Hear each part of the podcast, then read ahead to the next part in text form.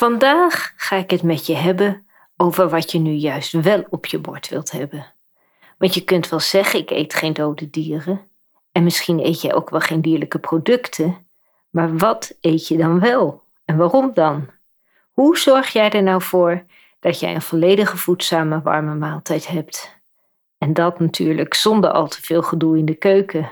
Ik vertel je daarom hoe jij je warme maaltijd eenvoudig kunt omtoveren tot een voedzame smulmaaltijd, zodat jij een lekker voldaan gevoel hebt na het eten.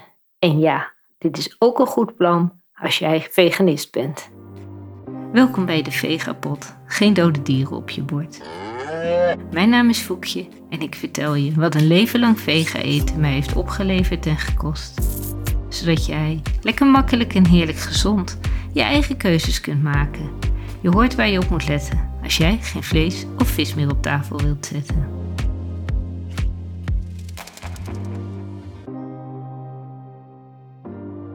Het is 25 december 1978, eerste kerstdag. Buiten is het koud, maar het vriest net niet.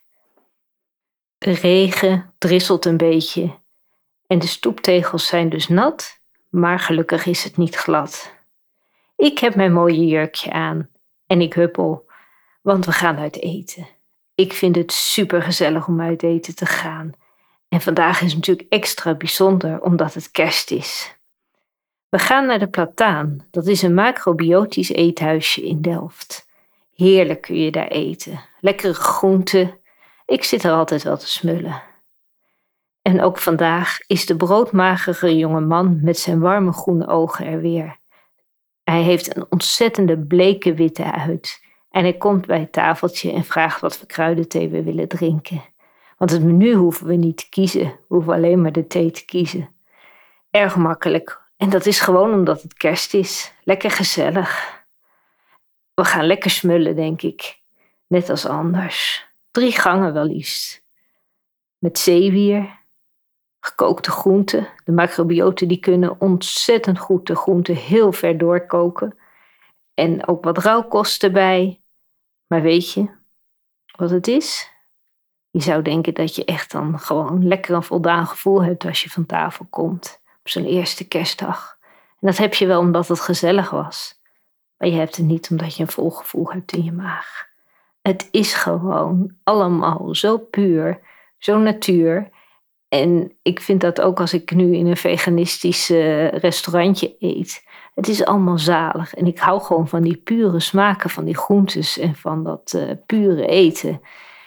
En natuurlijk zitten er ook wel kruiden in. Maar op de een of andere manier heb je gewoon geen vol gevoel in je maag. En dat vind ik gewoon ontzettend irritant. Want wat ga ik dan doen? Dan ga ik snoepen. Heerlijk snoepen. En zo ook deze eerste kerstdag. Als we buiten zijn, hebben we eigenlijk met ons hele gezin zin in een zak patat. En die gaan we halen ook. Nou ja, dat is natuurlijk niet de bedoeling als je gewoon een goede maaltijd hebt. En daarom ben ik vandaag bij jou om je te vertellen hoe je dan zo'n groentemaaltijd, waar je misschien wat granen bij gekookt hebt, die gewoon eigenlijk te licht is, kunt aanvullen met iets eiwitrijks. En dat is heel simpel.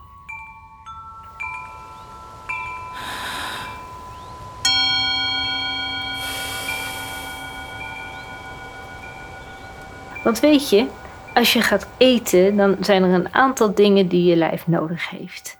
Het heeft een aantal verschillende smaken nodig: zoet, zuur, zout, een beetje bitter. Al die smaken geven je het idee dat je een goede maaltijd hebt. Het tweede wat je nodig hebt is verschillende structuren. Iets knapperigs, iets zachts, zodat ook dat gewoon bevredigd wordt in je mond. Dat gevoel, dat volle gevoel. Maar het derde is dat je gewoon dus genoeg calorieën binnen moet krijgen en genoeg voedingsstoffen. En wat het dus vaak is als je alleen maar granen eet of je eet alleen maar groenten of die twee samen, dat het gewoon geen vol gevoel geeft. Het geeft je gewoon geen voldaan gevoel. En dat snoepen, ja, dat wil je natuurlijk helemaal niet. En dan kun je natuurlijk allerlei vol vette baksels erbij maken. En dat is natuurlijk goed vullend. Maar ja, dat is ook wat de meeste mensen op dit moment gewoon niet willen. Ze willen mooi slank blijven en wel goede voeding hebben, maar niet vette hap eten. Hoe pak je dat dan simpel aan? Je kunt gele mungdaal nemen of rode linzen en die kook je eenvoudig met een blokje bouillon. En dan heb je als het ware een saus van pulvruchten. En die is heel lekker om gewoon op je bord toe te voegen. Je kunt er eenvoudig wat kruiden aan toevoegen. Ik doe vaak een scheutje ketchup of sojasaus als je dat lekkerder vindt. En dan wat currypoeder, wat paprikapoeder. En daarmee is het gewoon klaar. Je kunt dan het en de blender er nog op zetten als je zegt van nou ik wil een wat gladdere saus hebben. Maar die mungdaal die kookt eigenlijk al vrij snel kapot. En ook uh, die rode linzen doen dat. Waardoor je dus gewoon in een uh, 20 minuutjes een heerlijke eiwitrijke saus hebt. En dat is, ja, denk ik, een hele simpele toevoeging om je maaltijd voedzaam te maken en dat volle gevoel en dat voldane gevoel na de maaltijd te krijgen.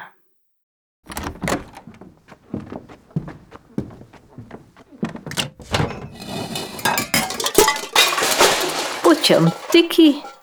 Toch nog wat puntjes om op te letten bij dit eenvoudige recept. Ten eerste, je moet de mungdaal, die gele kleine boontjes, of die rode linzen die je gaat gebruiken, eerst wel heel goed wassen.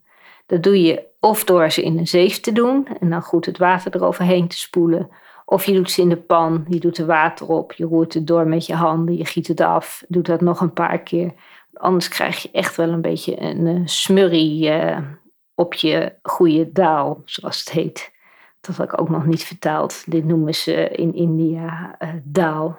Tweede is dat als je dat goed gewassen hebt, dan heb je die kleine pulvruchtjes, die gaan dan aan de bodem plakken. En als je dan even goed roert, dan gaat het dus aanbranden terwijl het opstaat. Dus als jij die linzen of die gele mungboontjes in de pan doet en het water erop doet, roer het even los van de bodem. Je kunt ook eerst het water in de pan doen, dan de mungdaal erin, of de linzen dan zitten ze gewoon niet vast en brandt het niet aan. Dat was de tweede tip. De derde tip is dat je ook bruine linzen kunt doen om ditzelfde recept te gebruiken. Maar die moet je echt minimaal een nacht van tevoren weken, omdat anders die kooktijd gewoon uh, meer dan een uur is. En heb je natuurlijk geen zin in om op te wachten. En als je ze dan weekt van tevoren, denk er dan aan dat je altijd even ze afspoelt voordat je ze gaat koken. Dus nooit in het weekwater je pulvruchten koken. En dan de vierde tip, dat is eigenlijk als je te veel water erop hebt gedaan en je saus dus eigenlijk te dun wordt, wat je doet is je laat het even staan, dan zinkt de daal als het ware naar de bodem, kun je bovenste laagje afgieten, heb jij je saus een stuk uh, dikker. Maar het kan ook zijn dat je saus te dik is, dan doe je er gewoon even wat heet water bij en roer je door. Dus dat maakt het allemaal heerlijk simpel. Dus, wil jij jouw groenten en granen en jouw maaltijden gewoon even verrijken met een heerlijke saus? Maak dan deze eenvoudige daal. Laat het lekker uh, in je keuken met jouw kruiden sudderen. Dan heb jij daar gewoon heel veel plezier van. Ik hoop dat ik je hiermee geholpen heb om jouw maaltijd zonder vlees, zonder vis, zonder dierlijke producten toch wat extra kracht te geven. Dankjewel voor het luisteren naar de Vegapod vol belevenissen. Wil jij meer weten of geen aflevering missen? Kies dan voor abonneer. Eet smakelijk, hap voor hap en tot de volgende keer. Liefs, Voekje.